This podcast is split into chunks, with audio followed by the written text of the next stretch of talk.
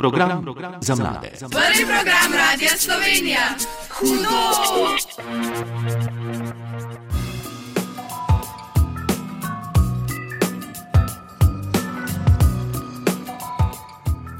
Dobro jutro in lepo pozdravljeni v mladinski oddaji Hudo, v kateri danes gostujejo mladi novinari iz osnovne šole ob Dravinji iz slovenskih konjic. Kar veliko nas je v največjem studiu tu na Radio Slovenija, nekaj um, ljudi je še v režiji, pa o tem povemo nekaj več kasneje. Še več kot nas je danes tu, pa nas je bilo v ponedeljek na šoli, kjer smo pripravili vse potrebno za tole oddajo. Šport je tema, ki so si jo zbrali mladi novinari, zato so pred mikrofon povabili svetovalno delavko, učitelja športa, košarkarice iz svoje šole. Poklicali pa bomo tudi na svetovno prvenstvo v nordijskih disciplinah. Tam je Bošnjan Rebešak zvala 202, ki spremlja dogajanje v planici.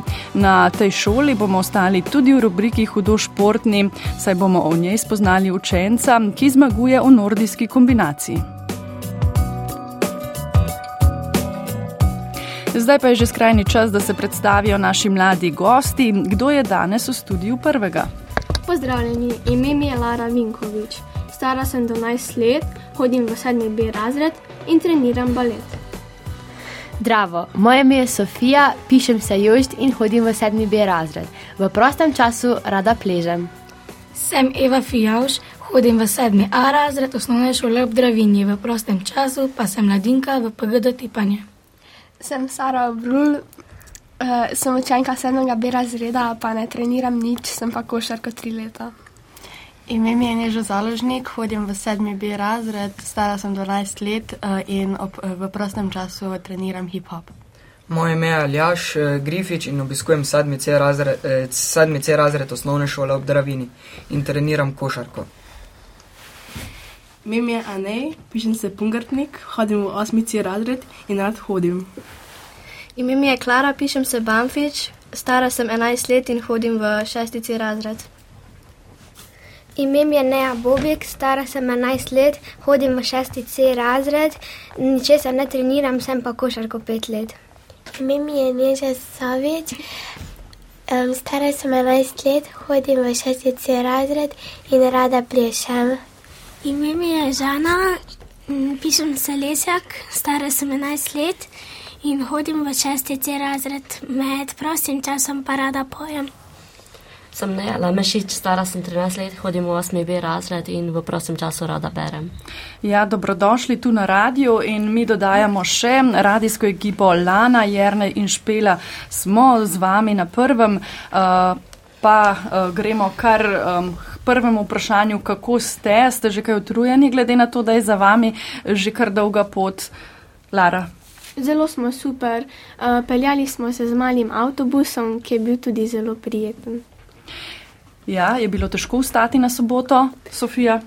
Uh, ja, zelo zgodaj smo vstali, ampak smo še na avtobusu malo zadremali, da, potem, da smo bili potem na spočitju. Uh, zaspal pa ni nihče, aljaš. Uh, ne, nihče. Uh, je bilo kaj treme v noči iz petka na sobote, glede na to, da danes odaja v živo, ne v ponedeljek ste spoznali že um, veliko stvari, ne, ampak odaja v živo je pa vseeno mogoče um, nekaj posebnega. Kaj aljaš? Uh, malo treme je bilo, tudi malo teže sem zaspal, ampak drugače pa nič posebnega. Um, Sara, zakaj ste si izbrali to temo, torej šport? Um, zato, ker je zanimiva za mlade, pa veliko na naši šoli je tudi uh, uspešnih športnikov. Mhm.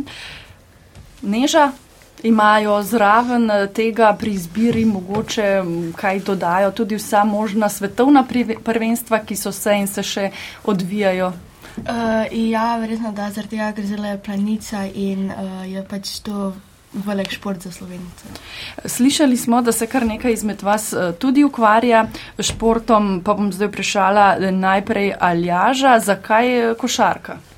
E, zaradi tega, ker me je eden bolj zanimivih športov, je tudi skupinski šport in se lahko družim s prijatelji in mi je zelo zanimiv. Torej, ti si bolj za skupinske športe? E, ja. A ne, ti pa hodiš rad, ne? Ja. Uh, v visokogorje ali imaš raje mogoče kakšne nižje uh, hribe? Visokogorje. Uh, pa me zanima, greš vsak vikend kam, mogoče skočiš na kakšen hrib, tudi med tednom, kako pogosto greš v hribe? Najbolj hodim med počitnicami. S kom? Z, z družino. Imamo še um, atletiko, Klara, ti, ti ne treniraš atletiko. Uh, koliko časa že? Od prvega razreda. Zakaj pa ravno atletika? Ne? Za razliko od košarke je to posamični šport, v redu, štafete ne? so uh -huh. ekipni, ampak vseeno, zakaj si izbrala ta šport? Uh, ker pač rada tekam in pač se rada gibam. In, ja. Atletika ima kar nekaj disciplin. Ne? Uh -huh. Pri tebi sem zaznala, da je mogoče tek tisti, ki ti je najbolj všeč. Ja. Šprint ali na daljše proge? Uh, šprint. A, potem uh, treniraš tudi, kar pomemben je ta začetek, ne štart. Uh -huh. Kako se to sploh trenira? Lahko natreniraš štart? Uh... Mogoče. Ja. um, ne, ja, zakaj ne več košarka? Uh, košarka ne treniram več, saj mi ni več bila zabavna. Uh, kaj ni bilo več zabavno? Um, zdaj je vedno teže v šoli in se mi je zdelo, da če bom preveč na košarko obrnjena, potem bom imela slabše ocene in sem zato končala. Ker košarka pa je na vaši šoli nekar pomemben šport. Ja. Greste, vsi se vključite v ta šport, ko ste v prvem, drugem, tretjem razredu, pa potem nekako opustite ga ali um, ni najbolj priljubljen šport na vaši šoli? Uh, je eden izmed priljubljenih športov na naši šoli, um, tudi, uh, košarko tudi veliko učencev na naši šoli trenira. Sara, ti si to tudi trenirala, ne pa tudi govoriva v pretekliku. Ja. Zakaj pa ti ne več? Uh, je bilo tudi preveč. Ja. Hm? Jaz sem jo trenirala od drugega pa do četrtega, hm. oziroma od drugega do petega. Uh, balet, Lara. Koliko časa že in zakaj uh, balet? Mm, že drugo leto, zaradi tega, ker uh, pač, ko plešem, se počutim srečno. Pa, uh, tudi veliko prijateljic imam na baletu in uh, vedno koreografijo dobro naredimo in je fino. Je. Sofija, uh, tvoj najljubši šport je pa plezanje. Ja. Koliko časa že plezaš in zakaj ravno ta šport? Uh, pležem že eno leto, um, zelo rada plešem, plešem zaradi tega, ker je zabavno, ker nimam nekega, um, nima neki strah višine, sprostim se, ko pležem, ampak se tudi ful rekrejem. Koliko krat na teden imaš uh, treninge? Treninge pa imam ob sreda, enkrat na teden. Mhm. Je to dovolj ali misliš, da bo treba še večkrat hoditi na plezanje, da boš še boljša? Lahko bi mogoče malo več hodila, ampak je v redu. Ko bom bila pa malo več, um, že na plezanje bom pa, bom pa več hodila. Uh, Neža, ti pa rada plešeš, ampak ne, ne v kakšnem klubu, ampak sama. Ja. Doma. Katera glasba je tista, ki te najbolj spravi v ples? Mm. Pop. Hitra, torej, malo Ja. bolj. Ne balet, tako kot pri eh, Lari, ki mora imeti posebno glasbo. Ne? Ja. Zato. Um, pa se vi, zdaj kar nekaj vas je športnikov, ne čisto vsi, mislite, da se dovolj uh, gibate, da imate dovolj rekreacije, športa v svojem življenju? Ne, ja.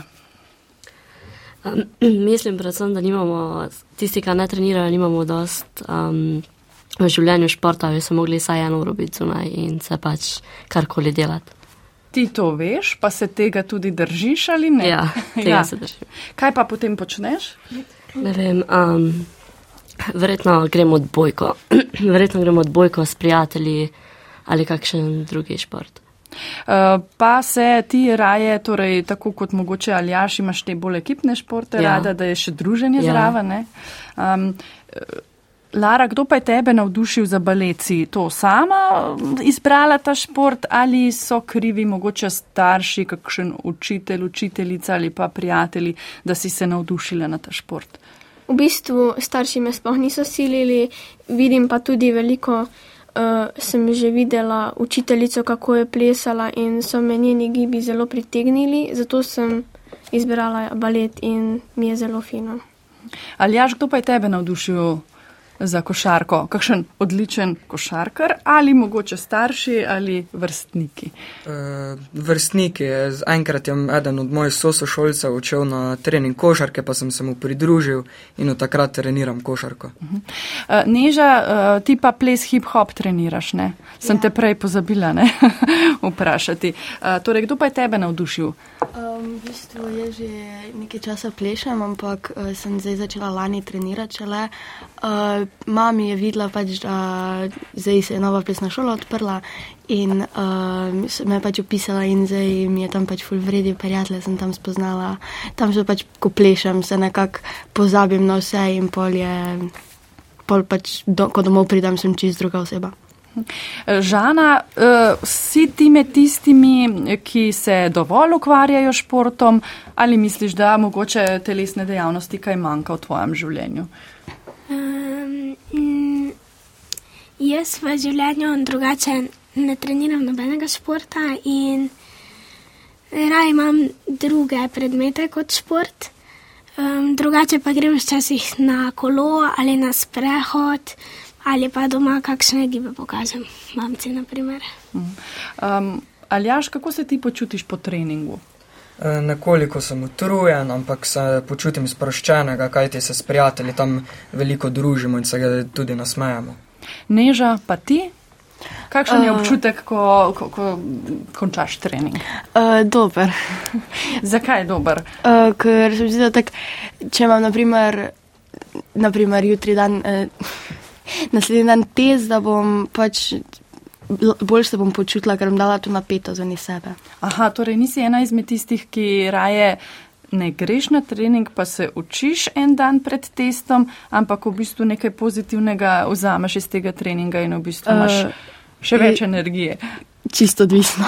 Aha. Če je, naprimer, pomemben test, sem raje učila, drugače pa hodim na treninge. Ali vam treningi, Sofija, eh, pomagajo tudi zbistriti misli, ne prej je pa že neža omenila, da da ven to napetost. Kako je pri tebi? Ja, če pišem prejšnji dan kako slabšo oceno, me seveda to ful pomiri, ampak to ta napetost, da bo pač naslednji dan testo, pa še vedno ne. Um, zakaj je šport, eh, vsaj po vašem mnenju, pomemben? Um, Mislim, da je prav, da se vsi dosti gibajo, ker je to že za zdravje dobro, da pač smo bolj zdravi. No, podobne vprašanja, kot sem vam jih zastavila zdaj le jaz, ste jih pa vi zastavili vašim vrstnikom v šoli. Postel, posneli ste namreč anketo, tako da predlagam, da jih kar prisluhnemo. Zakaj imaš rad šport? Zaradi tega, ker se veliko zmatram. Zato, ker se igramo različne igre. Zato, ker se ogrevamo, pa nogomet igramo. Zato, ker se pri športu zabavam in je timsko delo. Uh, veliko raznolikih stvari delamo, ki se mi je všeč. Ker v njem uživam in uh, zelo napredujem pri tem. Zato, ker lahko si pri športu se lahko veliko naučiš. Lahko se naučiš novih trikov, um, športov in zelo se rad družim s prijatelji. Ker se igramo veliko igric, ki so zabavne je dober in zdrav hobi. Ker tudi če se gibamo, pomaga pri učenju. Zato, ker je zelo zabavno in se veliko trusimo in smejimo. Ker se lahko sprostim. Ker tudi se, ko se družim z drugimi, je zabavno. Uh, ker mi všeč, ko se gibam. Ker ni drugega pomena v življenju, sem šport. Hudo. Ja, itak. Kateri poletni in kateri zimski šport imaš najraje? Po zimi imam smutanje, poleti pa plavanje. Mm, poleti imam nogomet, pol, po zimi pa smutanje. Po zimi imam smutanje, poleti pa atletiko. Po zimi drsanje, poleti plavanje. Jaz se rada kepam, pa drsam. Najraje se sankam, poleti pa surfam. Poletni šport je moj najljubši, nogomet, košarka, atletika, um, zimski pa smutanje. Uh, moj zimski šport je najboljši uh, smutanje, poletni pa odbojka. Um, jaz imam veliko poletnih raznolikih športov, um, naprimer nogomet, košarka, odbojka, atletika, moj zimski pa smučanje. Moj najljubši zimski šport je smučanje, najljubši poletni pa plezanje. Moj najljubši zimski šport je smučanje, najljubši poletni pa je kolesarjenje. Hudo! Kateri je tvoj najljubši športnik in zakaj? Janja Garm vred zaradi tega, ker pač pleže. Moj najljubši je Primoš Roglič, ker dobro kolesari. Moj najljubši je Cristiano Ronaldo, ker, ker ga gledam od svojega desetega leta. Najljubši je Lebron James, ker je dal največ pik. Moj najljubši športnik je Peter Prevč, ker je zelo dober in zelo danes skoči za smučanje. Moj najljubši športnik je Lionel Messi, ker zelo dobro igra nogomet in bi bil moj najboljši vzornik. Moj najljubši športnik je Žan Vipotnik, ker jaz igram v Dravini in on je šel iz Dravinije v Maribor, pa veliko golov ima v tej prvi ligi. Moj najljubši športnik je Michael Jordan, um, zato ker je veliko pokalov svojim in je zelo dober v košarki. Nimam najboljšega športnika. Moj najljubši športnik je Luka Dončić, ker imam zelo rada košarko. Program, program, za mlade, za mlade. Hudo! V Hudoju so naši gosti učenci osnovne šole ob Dravini, na kateri smo izpeljali novinarske delavnice. Tam smo posneli anketo, pa tri pogovore, nekaj pa smo prišparali, če rečem po domače, kar za današnjo odajo. Namreč v tem letu, tudi če lahko rečemo kar šolskem letu, se je zvrstilo že kar nekaj velikih tekmovanj. Evropsko prvenstvo v košarki, svetovno v odbojki, pa v nogometu, nedolgo nazaj svetovno prvenstvo v alpskem smučanju, pa v biatlonu. Prav zdaj pa v planici se odvija tudi svetovno prvenstvo v nordijskih disciplinah. In z nami je nekdo, ki spremlja dogajanje čisto od blizu. Boštjan Rebršak z Vala 202, lep pozdrav. Dobro jutro. Je jutro že za vas, kakšne dnevi so za tabo, Boštjan?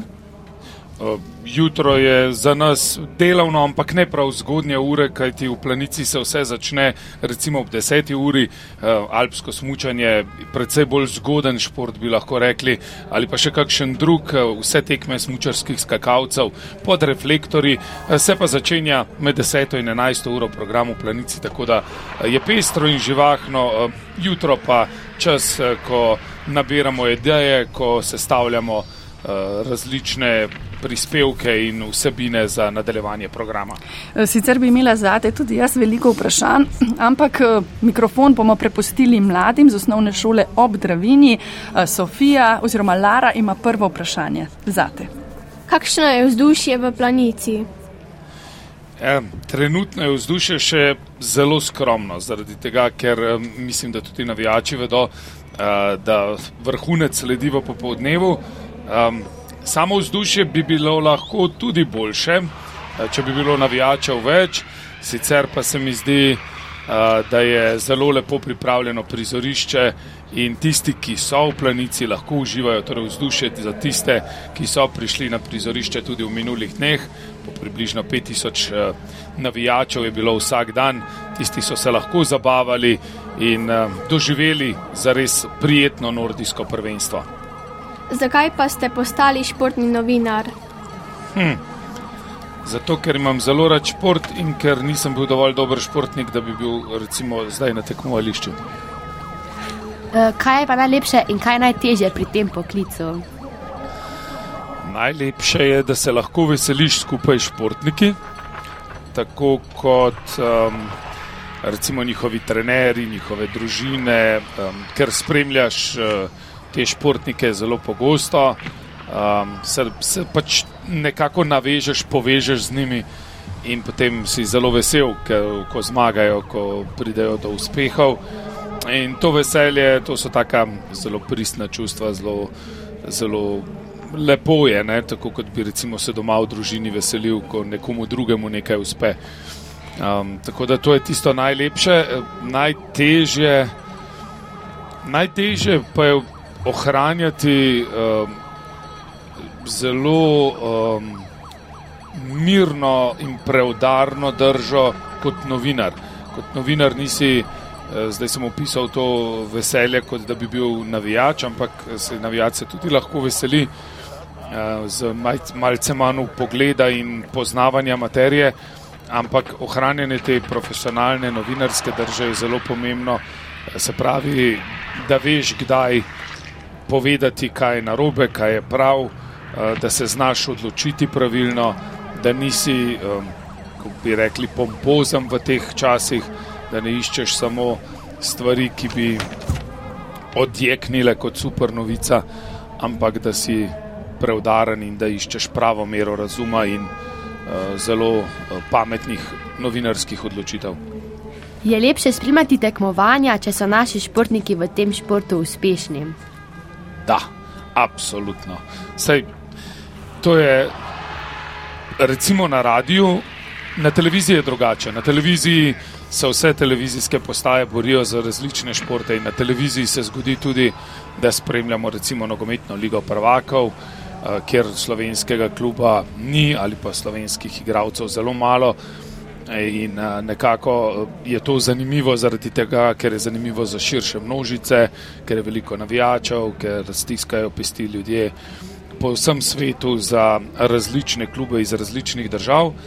Na radiju pa je kar nekakšen uh, trend, da ne rečem pravilo, da se spremljajo športi, ki so povezani z slovenskimi športi. Se pravi, lahko so to domača tekmovanja, ki prepletajo športnike iz Slovenije, lahko so pa to mednarodna tekmovanja, v katerih nastopajo Slovenci. In na teh tekmovanjih, seveda, če so Slovenci uspešni, je precej več, eh, precej bolj zabavno, je, no? Eh, precej eh, ne na zadnje tudi več idej programskega prostora in tudi več vsebine potrebno pripraviti.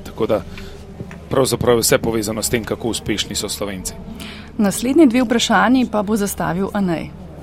Kateri šport najraje spremljate kot novinar in katerega pa v svojem prostem času? Kot novinar najraje spremljam odbojko. Um, čar vsakega, seveda, poklica ali pa je, da si zakomplicira življenje, oziroma so izzivi. In najbolj kompleksno, najtežje je spremljati kolektivne športe, tiste športe, kjer se vse zgodi nepredvidljivo. Spravi pri smočarskih skokih je edina stvar, ki je lahko nepredvidljiva, padec ali pa recimo, da nekdo skoči zelo daleč ali pa da se neki primeri drugače. Medtem ko v kolektivnem športu nikoli ne veš, kaj se bo zgodilo v naslednji sekundi. In to je velik izziv in zanimivo, zato najraje spremljam odbojko, ker med kolektivnimi športi na radiju spremljam pač odbojko.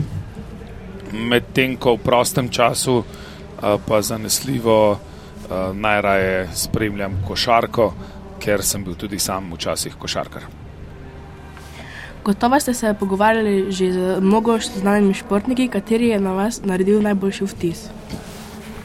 Ha, zelo, zelo zanimivo vprašanje in um, zelo zahtevno vprašanje, ker teh športnikov se je pa nabralo toliko, da zelo težko recimo um, izluščim enega. Med slovenskimi športniki, zaradi tega, ker spremljam res od začetka, od prvih korakov na mednarodni sceni njegovo kariero in sva stkala zelo dobro profesionalno, profesionalni odnos in se zelo dobro tudi ne na zadnje ujameva v kakšnem intervjuju, uh, je za mene zanesljivo poseben vtis naredil Petar Prevc, ker je zelo razmišljujoč, profesionalen človek, uh, človek takih trdnih vrednot. Um, drugače pa me najbolj navdišujejo tisti zvezdniki, ki imajo zares neverjetno količino obveznosti in so pripravljeni na duhovit, zabaven intervju tudi z nekom, ki ga vidijo prvič. Tak primer je recimo Usain Bolt. Mislim, da smo priložnost dvakrat, trikrat v življenju narediti intervju z Usainom Boltom in prav vsakič, um, seveda, on ne ve, kdo sem jaz, ker uh, me je videl nekajkrat uh, na teh velikih tekmovanjih, tako kot še tisoče drugih novinarjev ampak vse le je bil pripravljen na neko zabavno vprašanje. Bolj ko si iskal neko hudomušno vprašanje, bolj hudomušno je odgovoril. In recimo sam je hodil po teh velikih tekmovanjih skozi mešano cono, mimo novinarjev, tudi po dve uri in pol po tekmovanju. In to je bilo res neverjetno. Bil je eh, tudi v tem pogledu uh, neverjeten zabavljač in užival je tudi v tem, da se je družil z novinarji uh, in mu ni bilo težko ponoviti nekatere stvari, recimo tudi stokrat, dvestokrat. Še dve vprašanje imamo za te, Boštjan, se imaš časa, ne? Ja, seveda. Aljaš, izvoli. Si, si ga vzeli. Kako usklajujete družino in službo, glede na to, da ste lahko odsotni tudi več časa, ko spremljate kakšno veliko tekmovanje v tujini? E, to je dobro vprašanje, ampak verjetno bolj za mojo ženo kot za me. Uh, jaz mislim, da uh, zelo lepo usklajujemo uh, družinsko življenje. Um, človek ima v življenju privilegij, da sam razpolaga s svojim časom in to je kar takšna stvar, ki se jo mora človek naučiti v osnovni šoli, pa tudi v srednji, nas nikoli ne učijo, um, bom rekel, nekih vrlin ali pa nekih življenjskih eh, stvari, kako se naučiti uh, razporejati svoj čas, recimo uh, kam ga uložiti, na kakšen način izbirati koncentracijo svojega dela ali pa koncentracijo svojih misli in To je ena od stvari, ki se jo človek nauči samo z izkušnjami skozi življenje in te izkušnje so potem pri marsikateremu boleče. Sam pa mislim, da sem v tem pogledu veliko energije vložil, da vem, da ko sem v službi, sem v službi, ko pa sem doma, pa nikoli nisem v službi, vedno se posvetim v tistem času zelo uh, bom rekel, konkretno in uh, namensko družini in na ta način potem tudi družina začuti, da si z njimi, da se jim posvetiš. In če to začutijo skupaj tvoji najbližji, potem seveda nikakor ni težko ohranjati uh, stika ne na zadnje. Imamo delovnik tak kot športniki, kot njihovi trenerji, kot fizioterapeuti, kot številni ljudje, ki spremljajo vrhunski šport in to je način življenja, ki je zelo lep, privilegirani smo, da lahko delamo tisto, kar nas veseli, eh, in družine znajo to razumeti, seveda, če so odnosi takšni pravi, pristni. Katere države ste že vse obiskali zaradi službe in ki vam je bilo najlepše? Uh.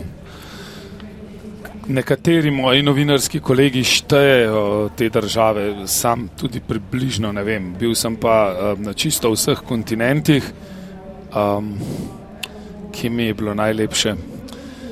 To je težko, ker je posod lepo, če si znaš narediti lepo. Uh, najbolj, recimo zimsko, sem bil najbolj navdušen nad Whistlerjem v Kanadi, uh, olimpijske igre, um, čudovit, um, čudovite so te njihove gore, um, obilo snega, uh, res v Sloveniji, pa tudi v Evropi si težko predstavljamo, koliko je to, koliko je to nekih uh, smučarskih prog, kako to funkcionira, kakšen, kako veliki kompleksi so to.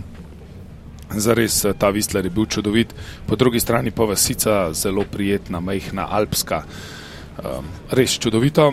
Potem pa od poletnih dni sem pa izjemno, izjemno navdušen nad Južno Korejo in uh, Seulom.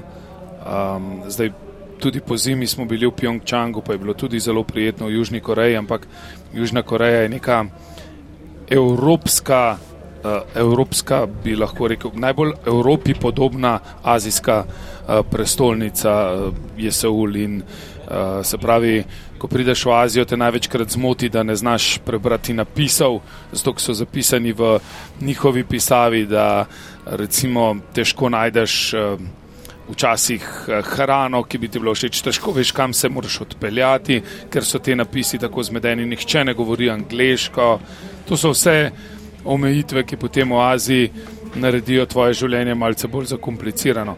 No, v Južni Koreji pa je vse napisano, narejeno, pripravljeno v angleščini, praktično vsi govorijo angliško, um, zelo prijazni so ljudje, uh, potem uh, te tehnološke dovršene. Uh, Tako stavbe kot infrastruktura pa je na takšni ravni, da si jo težko v Evropi predstavljamo, od teh hitrih vlakov, nadzemnih, podzemnih, eh, tako kot bi mečkan stopil v en tako znanstveno fantastiko. In vse skupaj, skupaj z naravo, ki je tudi zelo lepa tam, daje tak prijeten občutek. In če bi zdaj izbiral, evo, zimsko Vistler in poletno Seul.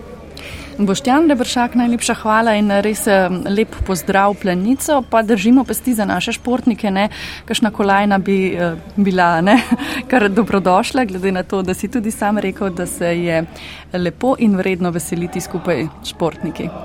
Absolutno in prepričani smo, da bo danes kolajna, tako da um, kdor ne bo utegnil priti danes v planico, um, kdor recimo nima namena, da bi popovdne prišel uh, na prizorišče, naj ostane ali pred radijskimi sprejemniki ali pa recimo televizijskimi zasloni. Um, naša hiša se pravi. Uh, RTV Slovenija pripravlja vse potrebno, da ste informirani, kaj se dogaja v planici in danes bo zanesljivo veselo, prepričani smo v to. Fantje so izjemno dobro razpoloženi skakavci, še prej pa še priložnost tudi za skakavke in tekače ter nordijske kombinatorce, popoln program in uh, mislim, da za piko na i današnjemu dnevu se bomo lahko zvečer tudi veselili. Boštjan Rebršak, tebe čaka očitno veliko dela danes, eh, mi pa seveda bomo navijali za naše športnike. Še enkrat pozdrav plenico, tudi tonski ekipi in vsem ostalim novinarjem, ki so s tabo. Ja, srečno, pozdravljam vas tudi Damjan Rostan. Tako, slišali smo Boštjana Rebršaka v zadju tudi nekaj vzdušja eh, iz plenice, pa me zanima, vi spremljate smučarske skoke in eh, teke Klara? Ja, tako bolj občasno. Ker ti si bolj za poletne športe, ne Ja. atletika. Um, kaj pomeni to občasno? Samo takrat, kadar, kadar so slovenski športniki odlični, samo takrat, ko je kakšno veliko tekmovanje na sporedu, samo takrat, ko imaš čas, kdaj torej? Takrat, ko imam pač bolj več časa, pa ja. Eh, Kaj pa Tineja? Uh, jaz tudi občasno, ko moj ati gleda in pol še jaz zraven njega. Kateri šport pa najraje spremljaš eh, prek zaslona ali pa mogoče celo greš na tekmo? Uh, slalom. Slalom, torej alpsko smučanje, Ja. kaj pa skoke, pa planico? Ja, to tudi, ampak rajši imam slalom. Eh, Ne, neža pa ti, spremljaš kakšen šport, kater se ti zdi zanimiv, sploh tako prek zaslona ga spremljati. Meni je najbolj zanimiv skake, meni so najbolj zanimivi skake. Torej, danes boš navijala. Ja, Uh, a ne, kako dober ali pa glasen navijač si ti? Ne vem. Odvisno od športa. Ja. Za, katerega, eh, za kateri šport se ti navdušuješ, tudi tako kot navijač? Na odbojko, košarko, pa na nogomet. Hm, Ta bolj ekipni športi. Um, ali jaš torej ti najbrž isto, ne? Ekipni športi? E, ja, Ustaneš kdaj, da spremljaš Dončiča, kako igra čez lužo? E, ne spremljam toliko košarke kot nogometa. A raje nogomet? Ja. Torej, ko je bilo svetovno prvenstvo v Katarju, si bil eden tistih, ki veš izide vseh eh, tekem. E, približno. Eh, Pa punce, Lara, kateri šport pa ti najraje spremljaš in kako glasna navijačica si? Mm, jaz bolj kot ne spremljam po televiziji gimnastiko. In, Gimnastiko? ja. Kako to? Ima malo baleta tudi, ne? E, Gimnastika. Ja, nekaj ima v zvezi s tem, ampak mi je všeč. Uh, Sofija pa navija za plezalke naše odlične, ne? Ja, tudi pa tudi rada po zimi gledam slalom. Je Janja Garambrit tvoja vzornica? Ja, Ja. zelo velika. Uh, Sara, pa ti, kako si um, ti s spremljanjem športa, se ti zdi gledati preko zaslonov eno tekmo dolgočasno ali je zanimivo? Je, je tudi zanimivo. Pa ti, Neža? Uh, Kateri šport, kateri športnik, športnica? um, dobro vprašanje. Ne, ne, najbolj gledam tega športa po televiziji. Edino, ko ne vem, če Ati gleda, pa da sem tam zraven, bom pa zraven gledala, drugače pa ne. Um, No, mi bomo zdaj le slišali še eno skladbo po vašem izboru in gre tudi za skladbo, ki bo zastopala Slovenijo in sicer na Evroviziji.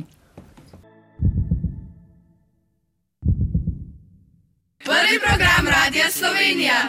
Hudo! Maja bomo držali pesti za Joker Out, prav tako pa držimo pesti tudi za naše športnike.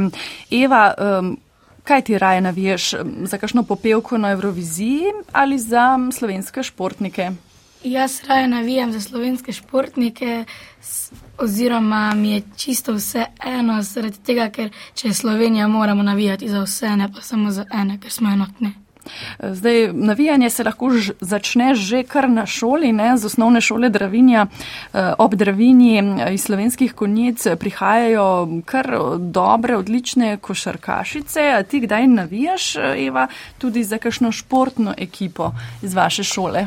Navijam jaz, saj je veliko mojih sošolk ali prijateljev igra v kakšnem našem šolskem klubu, naprimer košarkarske ekipi, ko imamo in so zelo uspešne. Uspešne.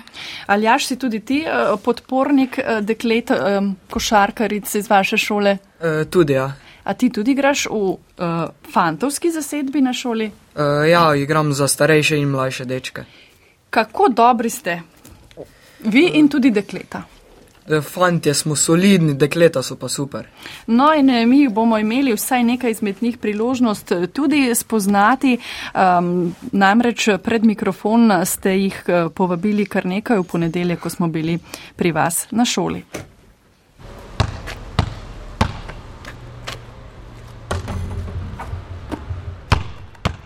Pozdravljeni, za nami so dekleta šolske košarkarske ekipe, katerim bomo zastavili vprašanje. Kdo si in kakšen je tvoj položaj v ekipi? Jaz sem Doroteja, ja, moj položaj je pa krilo.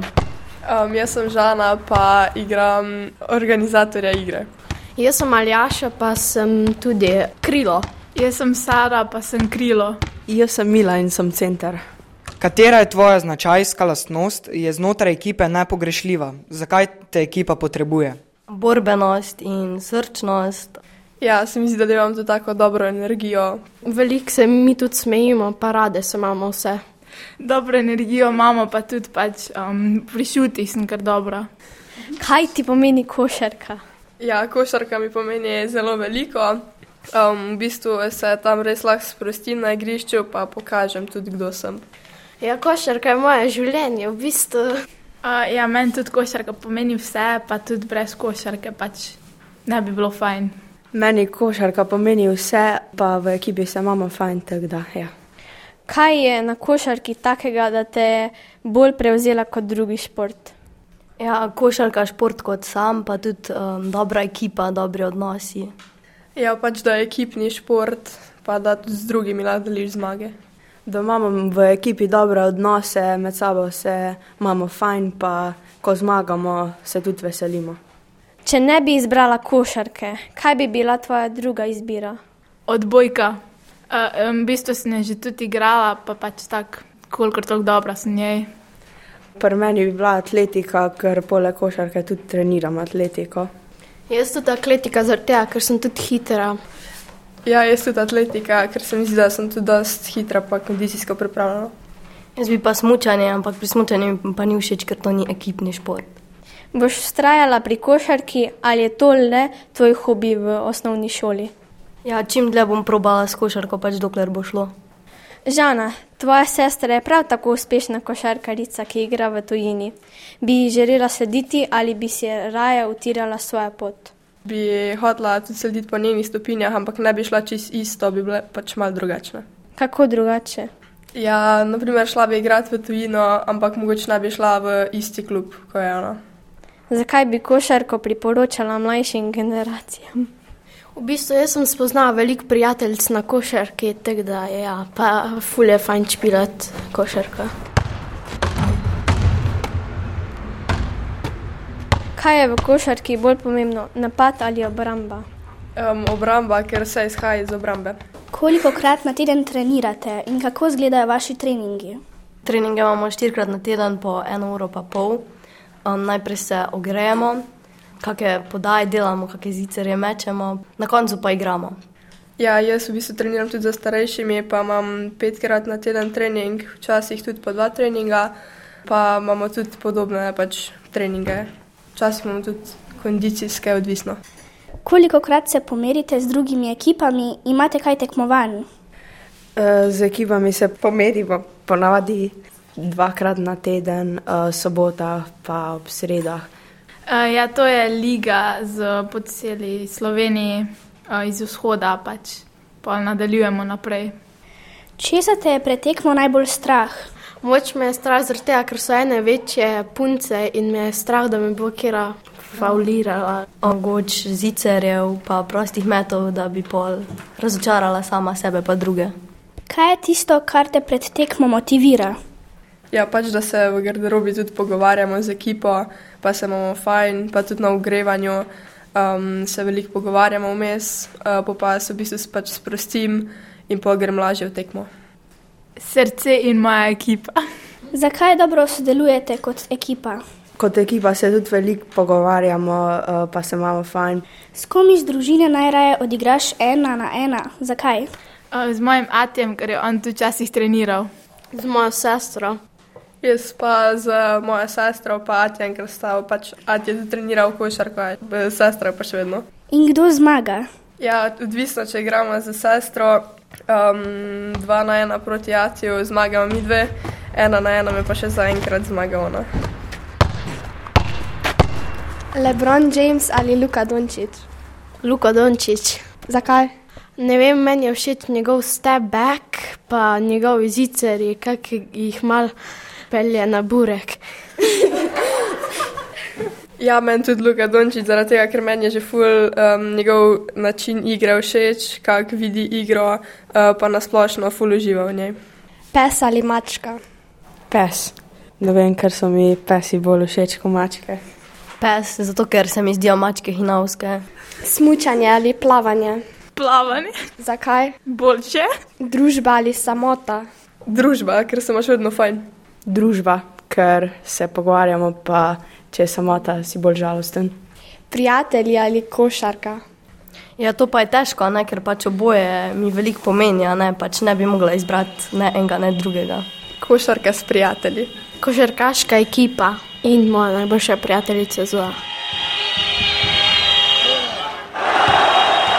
Predstavljaj si, da stojiš na igrišču pred ogromno množico ljudi. Čakate finalna tekma svetovnega prvenstva v košarki. Sliši se bučen aplaus, pričakovanja so velika. Žana, kdo od tvojih zagotovo stoji na tribuni in glasno vzklika tvoje ime? Uh, moja družina, ker me res zelo podpirajo pri košarki, pa ne samo pri košarki, tudi na splošno in se fu razumemo in bi oni bili 100% tam.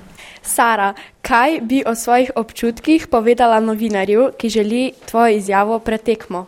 Z ekipo se bomo najbolj pač potrudili, kako lahko, pa itak uživamo v košarki, tako da ne bo tak problem. Mila, kako izgleda tvoj dres in kakšne so tvoje superge? Uh, naš dres, mi imamo dve različni barvi dresov, eni so temno modri, eni so svetlo modri.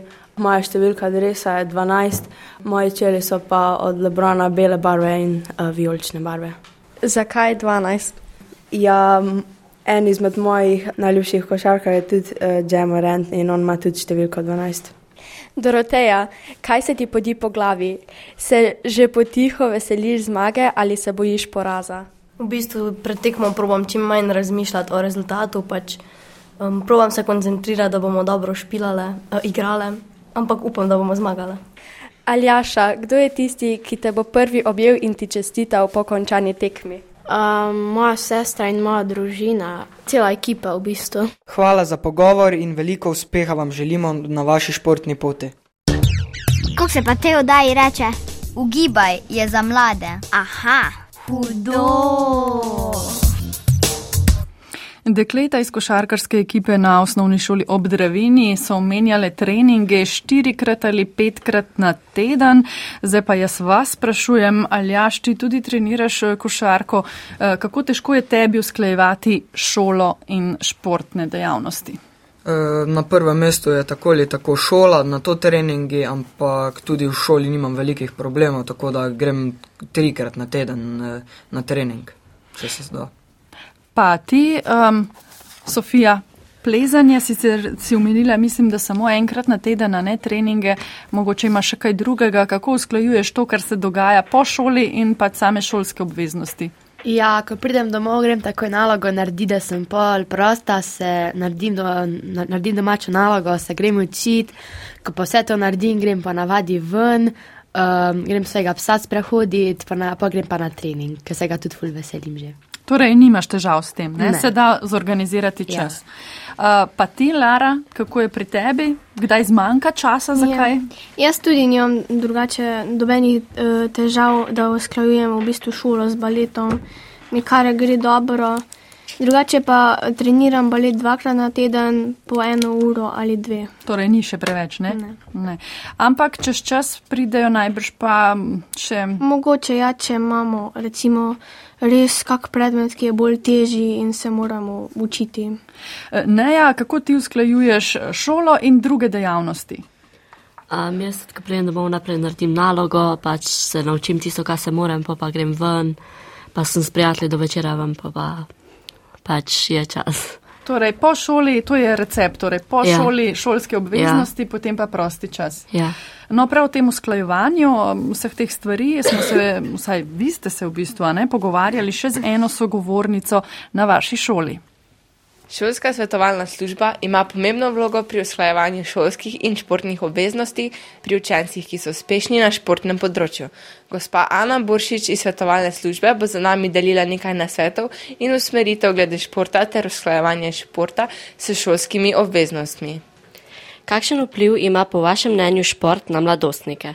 Moje mnenje je, da je šport zelo pomemben, eh, saj ima mnogo pozitivnih učinkov na razvoj otrok in mladostnikov.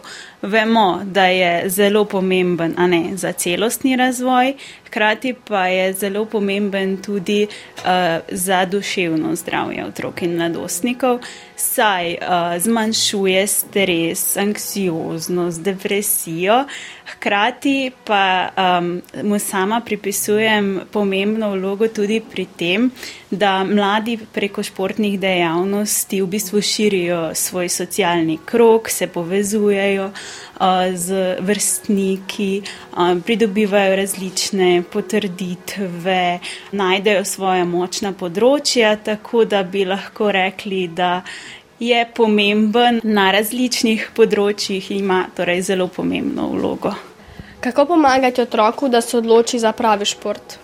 To je precej tako zapleteno vprašanje in ni le enega odgovora. Jaz pa mislim, eh, da je pomembno vključiti zelo veliko različnih um, ljudi, se pravi tako starše kot učitelje, razrednike, uh, pri tem, da otrok sprejme pravo odločitev. Pomembno je, da upoštevamo njegove želje, vrednote, interese, da se pogovorimo o tem, kaj rad počne, kaj vse zmore. Mislim pa tudi, da je smiselno vključiti športne pedagoge in jih vprašati o njihovem mnenju a, glede zmožnosti, sposobnosti otrok a, in se tako lahko potem a, vsak posameznik lažje odloči, ker ve, um, kje je dober, kaj mu leži in da se to potem uskladi s pravo odločitvijo. Kako domače razmere vplivajo na športnika in njegove uspehe? Eh, Družina ima seveda pomemben vpliv na športne uspehe vsakega posameznika, so pa družine zelo različne. Ne? Tukaj moramo upoštevati socialno-ekonomski položaj, vrednote, navade, odnos družinskega okolja do posameznega športa. Mislim pa, da je super, če družinsko okolje predstavlja neko varno, spodbudno okolje, ki otroku potem omogoča napredovanje na izbranem športnem področju. Koliko časa naj bi vrhunski športnik spal, da je naslednji dan v šoli in svojih obveznostih lahko skoncentriran? Seveda je dober, kakovosten spanec pomemben za vse ljudi, predvsem pa tudi ne, za naše vrhunske športnike. Mislim, da si je potrebno vzeti vsaj kakšnih 7-8 ur spanca, tako da tudi jaz sama učencem rada svetujem, da v svoj urnik vključijo čas za spanec. Ker drugače se eh, pomankanje spanca pozna tako na zmedenosti, mogoče o kakšni agresivnosti, uh, ima pomemben vpliv na koncentracijo, tako da ja, je pomembno, da športniki dovolj spijo. Kako se motivirati za učenje po napornih treningih? Ja, veliko krat slišim od naših učencev, da jim ravno treningi in uh, tekme predstavljajo enega izmed glavnih dejavnikov motivacije za upravljanje šolskih obveznosti. Uh, seveda pa včasih tudi to ni dovolj, tako da uh, za motivacijo poskrbimo na druge načine. Uh, to pa seveda lahko storimo preko pogovorov, lahko v iskanju kakšnih nagrad, simboličnih, ne? ne vem, eh, kakšni učenci si potem eh, rišejo kakšne kljukice, simbole, da se na ta način nagradijo, ali pa v druženju s prijatelji. Jaz mislim, da potem takšne reči, ki so učencem zelo pomembne, najbolje vplivajo na motivacijo za učenje po napornih treningih. Ali uspehi učenca na športnem področju vplivajo na njegovo samopodobo?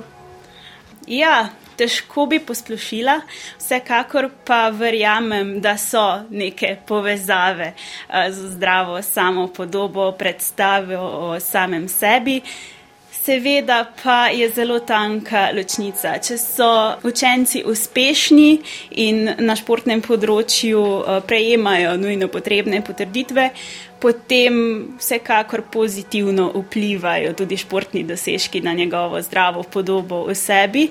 Bi pa rekla, da je to odvisno od vsakega posameznika in da moramo športnike spremljati in skrbeti, da razvijajo zdravo in pozitivno podobo o sebi. Ali velja pravilo dober športnik, dober učenec in ali mislite, da so učenci, ki trenirajo kakšen šport, bolj disciplinirani?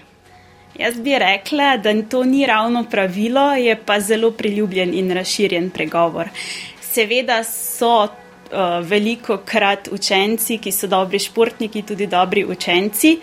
Uh, predvidevam pa, da je to povezano tudi s tem, da posamezni klubi omogočajo športno aktivnost zgolj, če so učenci v šoli uspešni. Uh, tudi verjamem, da uh, določene športne discipline uh, pripomorejo k temu, da so učenci bolj disciplinirani, je pa zopet to odvisno od vsakega posameznika. Na kakšen način uskladiti šolo in šport, da si uspešen na obeh področjih? Kdo je tisti, ki jim lahko pri tem pomaga? Jaz mislim, da je ključ eh, v dobri organizaciji in izdelavi načrtov dela. Mislim, da je zelo dobro, če si vsak posameznik izdela urnik za posamezen dan, teden, mesec, morda leto. Poleg tega pa si oblikuje načrt dela, kako bo torej ta urnik oziroma obveznosti zastavljanje cilje uresničeval.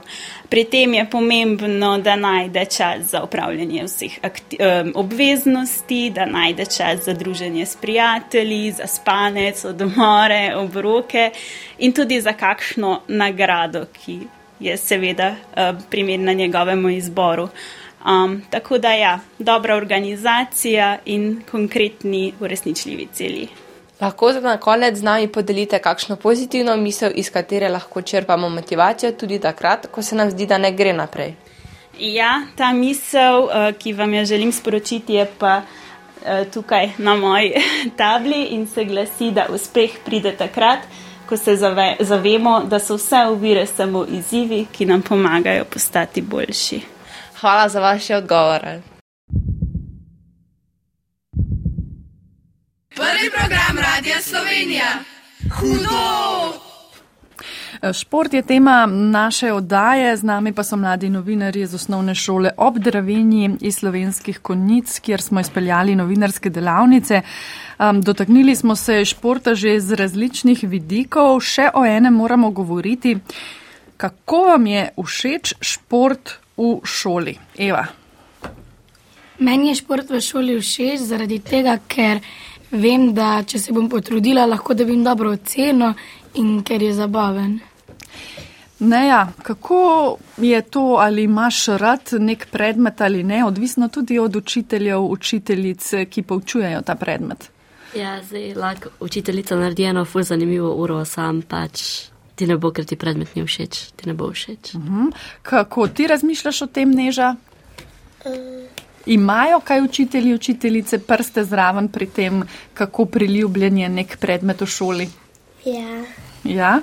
Kater je te všeč najbolj predmet in kaj misliš o športu? Meni je matematika najbolj všeč, um, šport mi ni preveč všeč, ampak ni tako slab. A ne, kakšne možnosti pa imate vi na šoli za šport? Imate svojo telovadnico, um, opremo, greste kdaj tudi ven, kakšno je okolje okoli slovenskih konic tudi? Ja, imamo telovadnico v šoli, imamo dve, eno Dve? veliko, eno malo. Potem imate veliko prostora in odlične pogoje. Ja. Kateri je bolje telovaditi, v mali ali veliki? Kako se razlikujete? Uh, veliki je, je bolje. Ker igrate koš, eh, ekipne športe. Mhm. ja. Eh, Neža, um, koliko je odvisno od učiteljev, kako priljubljen je nek predmet eh, v šoli?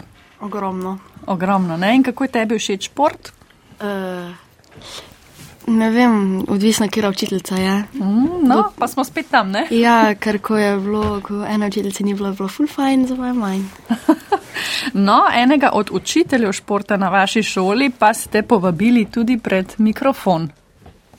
Pred mikrofon smo povabili gospoda Žana Vrtovca, učitelja športne vzgoje, ki svoje delo resnično opravlja s srcem. V otrocih pa nad vse želi vzbuditi željo po gibanju in strast do športa. Na kratko se nam predstavite, kdo je gospod Žan, ko ni v šoli.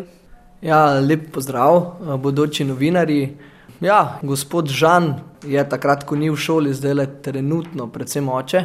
Imam dva majhna otroka, šči je stara dobre dve leti in pol, sin je star dobre pol leta, tako da večino časa um, trenutno preživim z družino. Ta skupni čas skušamo preživeti čim bolj aktivno, to je res, smo veliko odzunaj v naravi, hodimo na sprehode.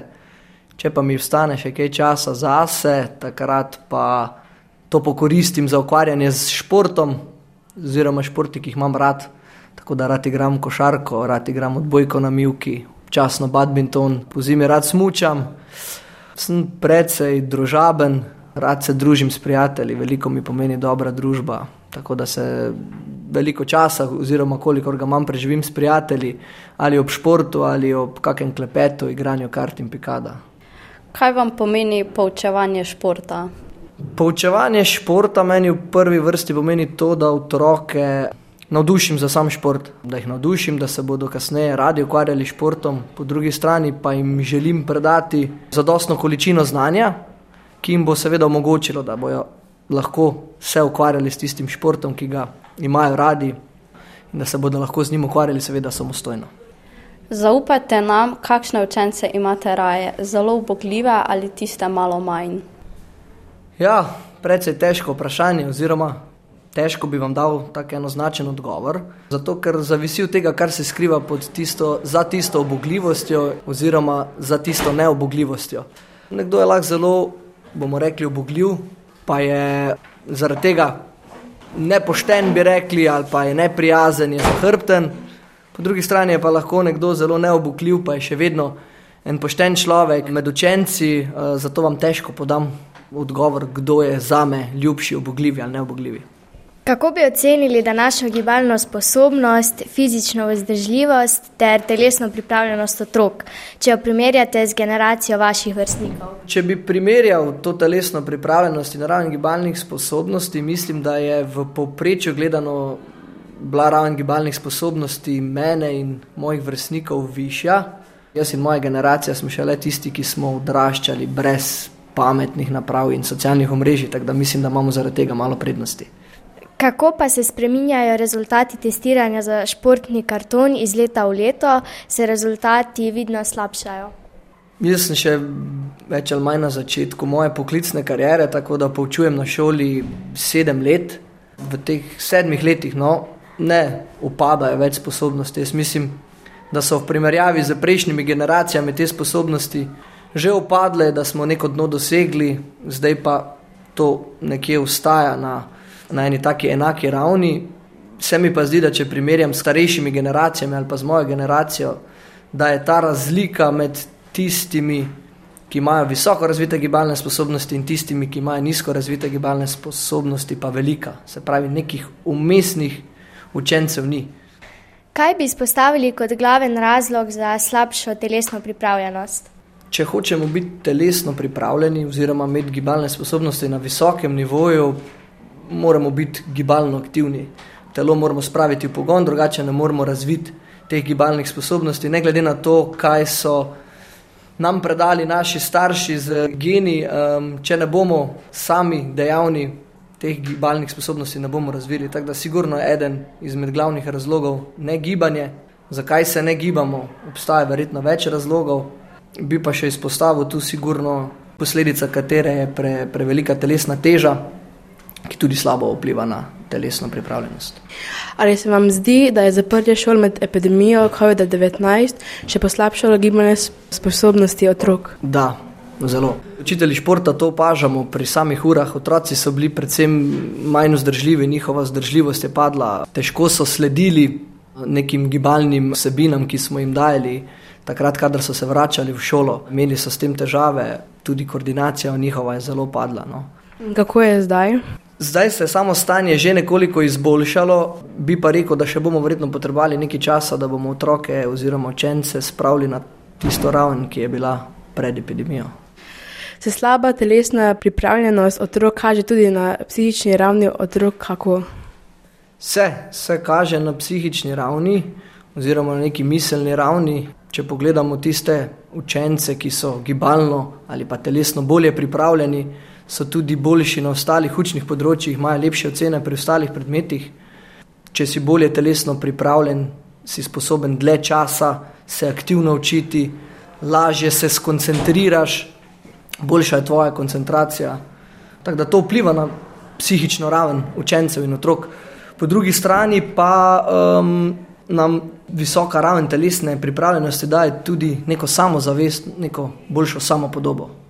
Uh, imate morda idejo, kako bi iz črnega kroga fizične neaktivnosti potegnili mlade? Jaz bi tako rekel, recimo, vsi nekako iščemo v življenju nek občutek zadovoljstva, nek občutek sreče. Zdaj, kako ga dosežemo, lahko na različne načine. Vem, meni osebno športanje s prijatelji, igranje košarke, uro pa pol, daje občutek zadovoljstva in sreče.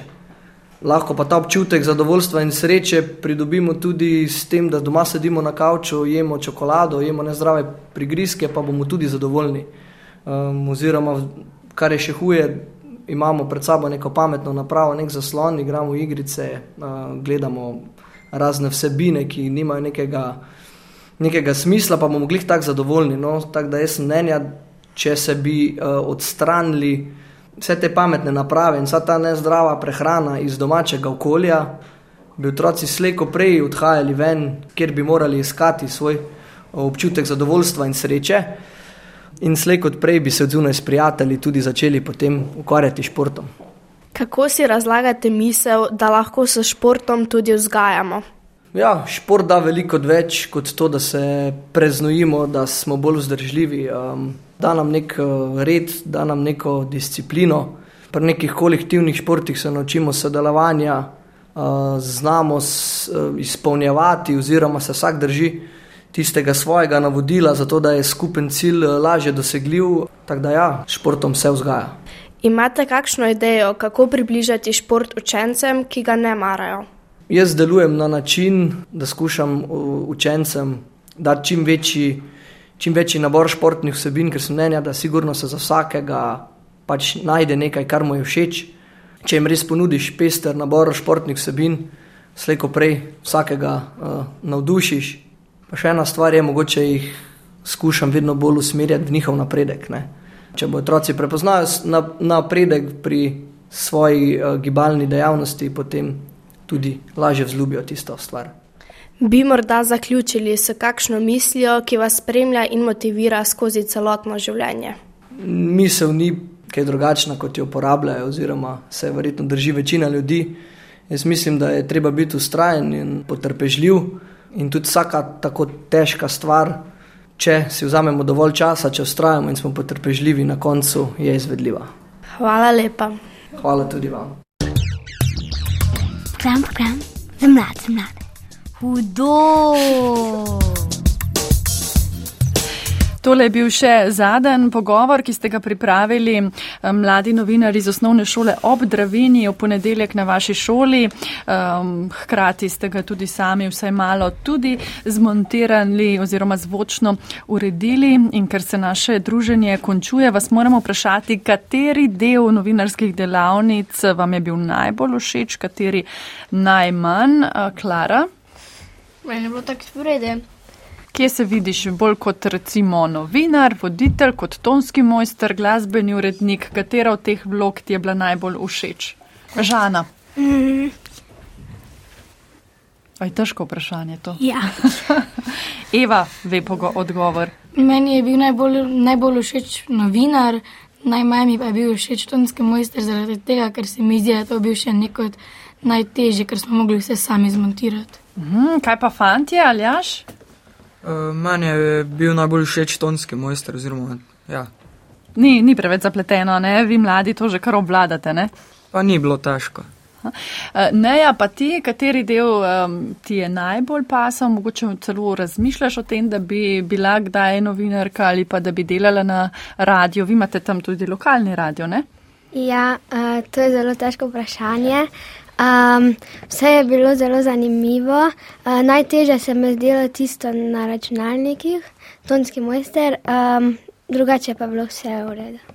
In zdaj, ker se moramo posloviti, še zadnje vprašanje. Boste um, navijali danes za naše športnike ali imate kakšne druge načrte za današnjo soboto? Sofija? Ja, če bo čas, bom šla gledat, um, pa bom tudi navijala, da bo, da bo Slovenija či, čim bolj uspešna. Lara? E, žal imam druge načrte, ampak se bom potrudila, mogoče, da jih bom pogledala. Vsaj z enim ušesom ali pa Ja. enim očesom spremljala. Uh, Eva, kako boš ti danes? Boš navijačica ali ne? Bom navijačica, vendar pa grem tudi, imam druge načrte, zato se bom potrudila pogledati toliko, kot bom lahko. Takole, najlepša hvala vam za obisk v Ljubljani. Eh, Prijetno mi je bilo v vaši družbi. En velik hvala seveda tudi vašima učiteljicama eh, Sanji Miheljak in Valentini Volavšak. Brez učiteljic ne gre, ne?